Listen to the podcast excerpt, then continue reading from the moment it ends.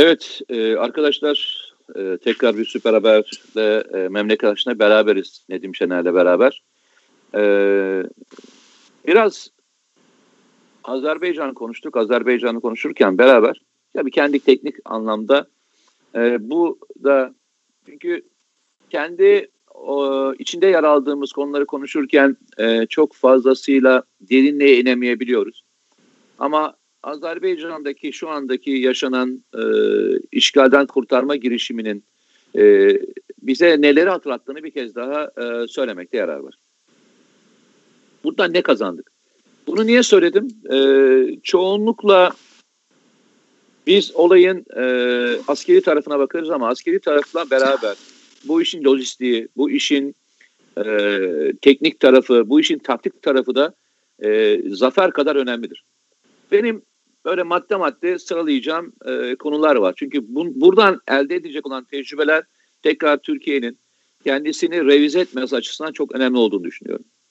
Birincisi e, dünyada değişen bir e, savunma teknolojisi var. Ve bu teknoloji e, Türkiye'ye yeni bir kapı açtı. Bu şey gibi düşünün. E, birileri geçen gün e, arkadaşlardan bir tanesi bu örneği vermişti. Ben de tekrarlayacağım.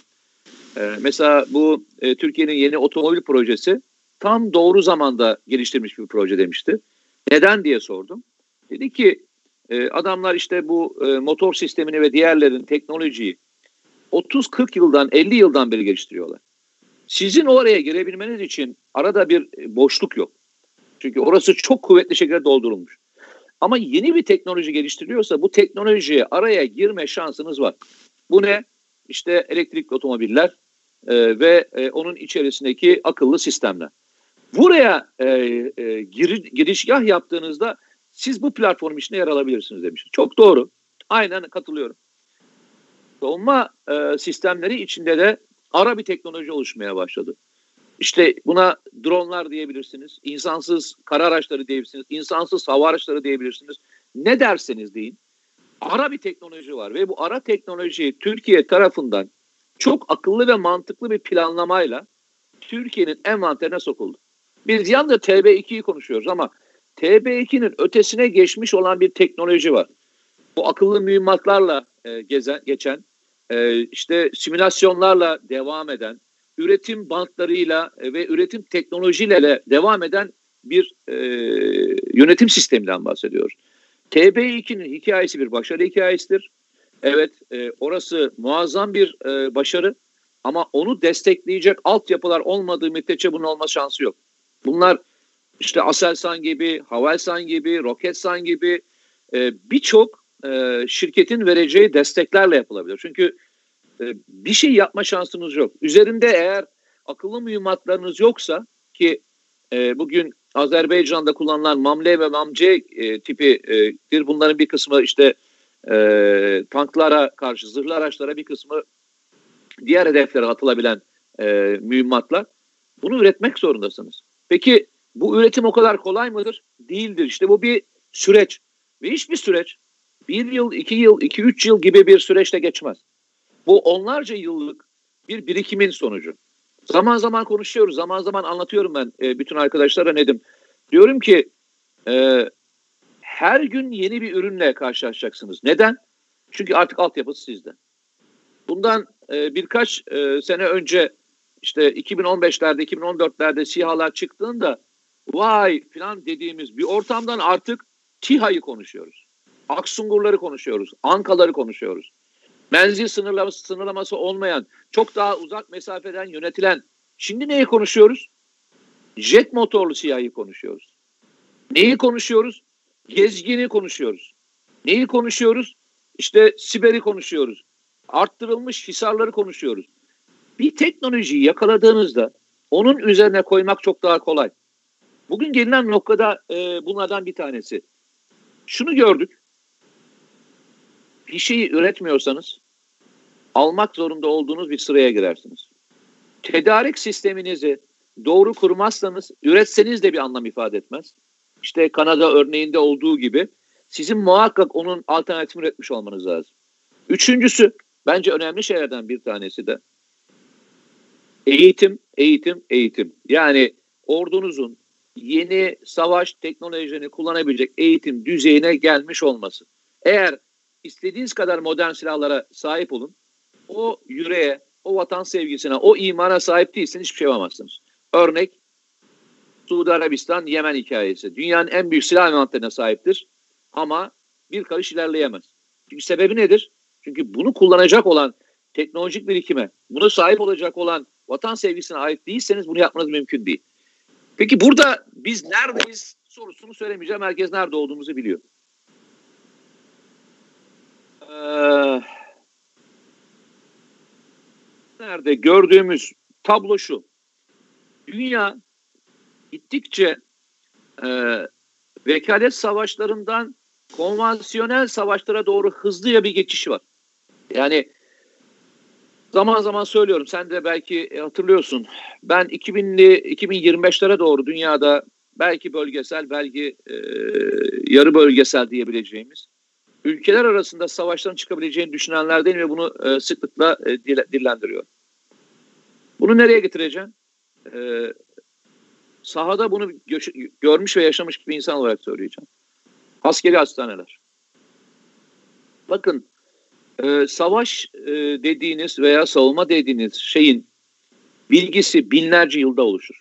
Ve bu binlerce yılda oluşan e, birimlerin geldiği nokta öyle çok boş nokta değildir. Yani bugün e, 2016'da işte e, şey nedeniyle nasıl dersiniz e, FETÖ nedeniyle e, zaman içinde bazı birimler kapatıldı. Daha sonra bir, bazı birimler açıldı. Bunlardan bir tanesi de askeri hastane sistemiydi biliyorsun. Askeri hastanelerin e, pozisyonu. E, askeri doktor hala var ama askeri hastane sistemi dediğimiz sistem başka bir sistem. Bunu niye söylüyorum? Bunu ben zaman zaman doktor arkadaşlarla konuşuyorum. Bunu zaman zaman sivildeki doktor arkadaşlarla konuşuyorum. Ee, ve işlerinde gerçekten uzman yani böyle genel cerrah olan ameliyatlara giren doktorlarla konuşuyorum. Onların söylediği şey şu. Diyorlar ki bakın e, her türlü konu bir deneyim gerektirir. Askeri hastaneler özellikle askeri yaralanmalar konusunda çok deneyim sahibiydi. Bunlar neler? İşte e, mayından dolayı e, yaşanan vakalar. Şimdi tabanca mermisinin vücutta bırakacağı veya alt tüfeğinin mermisini vücutta bırakacağı etkiyle bir G3 mermisinin veya işte ne diyeyim bir e, piyade tüfeğinin bırakacağı etki çok farklı. Bunun vücuttaki e, tanımlamasını yapmak da farklı. Bir bombanın, bir uçak bombasının patladığındaki etkiler farklı. Bu tanılara hakim olan insanlar bunu ilk başlangıçta çok da müdahale eder. Evet diyorlar biz de müdahale ederiz. Bu başka bir şey. Bu başka bir yetenek ve başka bir e, uzmanlık alanı. Yani hani bazen konuşuyoruz ya e, şeyi konuşuyoruz. E, işte kulak burun boğazcı. Ne söyledi öyle tarif etti. Bu bunun gibi bir şey dedi. Askeri e, yaralanmalar da bir uzmanlık alanı. Adı öyle konulmamış ama böyle bir uzmanlık alanı var. Bunu dediler yani bir şekilde dönmek zorundalar. Ben de yine e, karar verici mekanizmasında olan bütün insanlara bir kez daha söylüyorum. Doktorlarımız müdahale edebilirler. Bunda hiçbir sorun yok.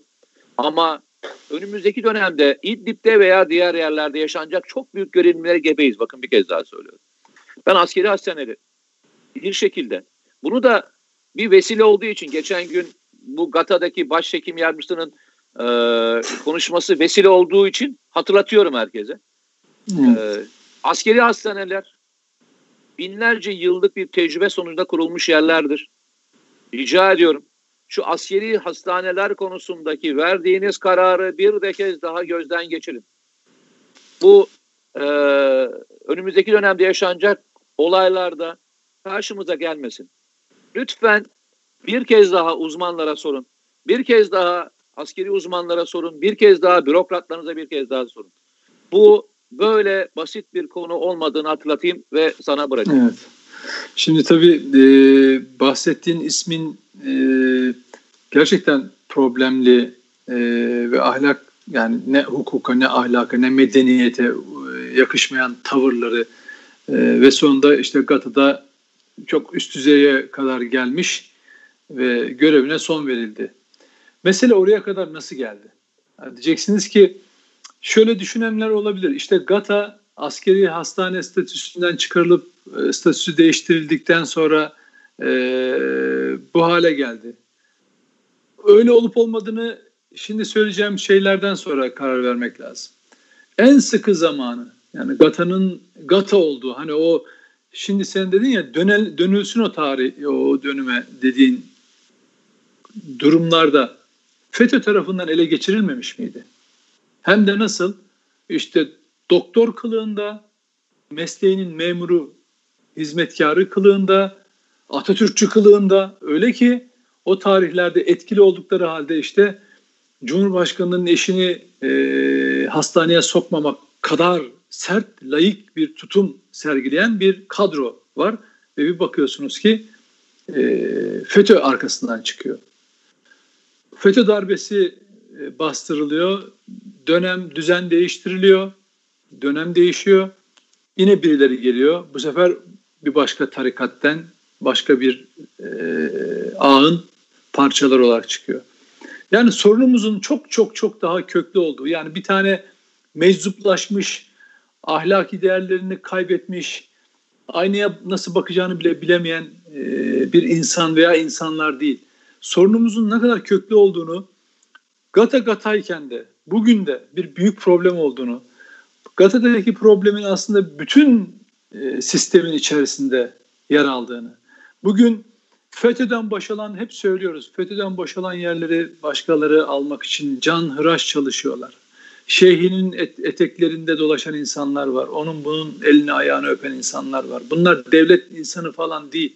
Dolayısıyla siyasi iktidara en önemli düşen görev hani bütün ülkede liyakatla yani bu olay patladıktan sonra görevden almışsınız bir anlamı kalıyor mu? Olan morale oluyor. O kurumda çalışanlar oluyor. Şunu düşünüyor insanlar. O kurumda çalışan birisi alt düzeyde doktor veya şef veya müdür. Ya bu adamı yıllarca biz gördük ne olduğunu. Hep terfi ettirdiler terfi. Bak adamda moral çöküntüsüne sebep oluyorsun. Vatandaşta güvensizlik duygusuna sebep oluyorsun. O yüzden çok çok önemli. FETÖ'yle mücadele değil meselemiz topyekün bir arınma, liyakat sistemine dayalı bir yönetim becerisi. Bunu bunu sağlamazsanız olmaz. Yoksa biz hala yargıda şu yolcu mu bu yolcu mu, şucu mu bucu mu, sağlıkta menzilci mi, ocu mu, Süleymancı mı inanılmaz tartışmalar yapıyoruz. Ya bunları tartışmak bile abes. Yani küçücük çocukların bedenlerini suistimal eden insanlardan bahsediyoruz. Bunların İslam'la, inançla ne alakası var? Yani lütfen biraz bu ülkeyi yönetenlerin dönüp bunlara bakması gerekiyor. Yani geleceğe deminden çok güzel bir olaydan bahsettik. İHA'lardan, SİHA'lardan, oradaki gençlerden geleceğe. Ülkenin bir ucu oradan yürüyor, parlak bir geleceğe doğru ilerlemeye çalışıyor. Öbür taraftan devlet bürokrasisini yağmalanacak bir alanmış gibi çöreklenen, hizmet aşkı yani e, ile ilgisi olmayan ne bileyim bir takım şebekelerin rant ağına çevriliyor. Yani bu korkunç bir şey. Bundan çıkılması lazım. Yani neden? Gelecekte bu ülke neyin üzerine duracak? Devlet yapısının. Peki biz bugünden daha 15 Temmuz yeni atlattık. Nasıl bir çürümüşlüğün içinde olduğumuzu, devletin ele geçirildiğini, ancak ancak küçük küçük de olsa bir şeyler yapılıp temizlendiğini görüyoruz. Peki gelece geleceğe nasıl aktarılacak bu mücadele? Yani hep mi yenilmişlik duygusu yaşatılacak bu millete? Bugün bu mücadele böyle yürüyor. Yarın nereye varacak? Hani biz daha kısa süre önce Selefilerden bahsetmiyor muyuz? Bu bahsettiğimiz şimdi konuştuğumuz GATA ve benzeri konular çerçevesinde konuştuğumuz konular hani geçen programda konuşmuştuk. Devlet içeriden tarikat cemaatler tarafından e, saldırı altında.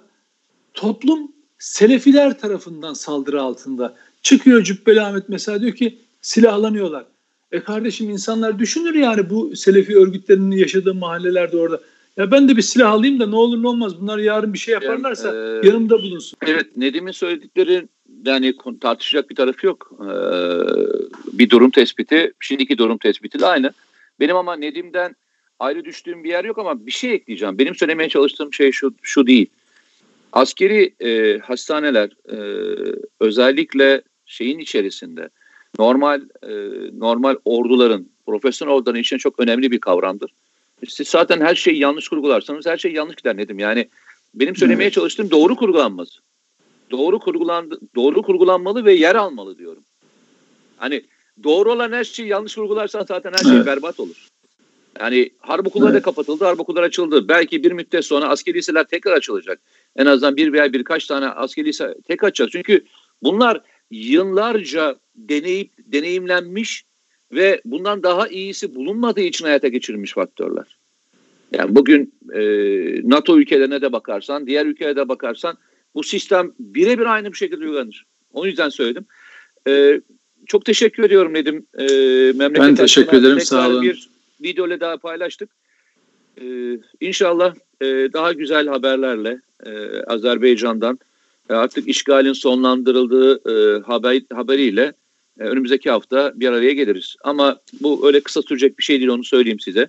Yani ümitlenmeyin anlamında söylüyorum. Alan kolay bir alan değil. İnşallah kazasız belasız, e, sivillerin zarar görmediği, adaletin ve hakkın olduğu bir şekilde Karabağ ve işgal altındaki topraklarını kurtarırlar Azerbaycan'daki kardeşlerimiz. Evet, teşekkür ediyorum. Gazabın mübarek olsun. Eyvallah. Görüşmek üzere. Sağ olun.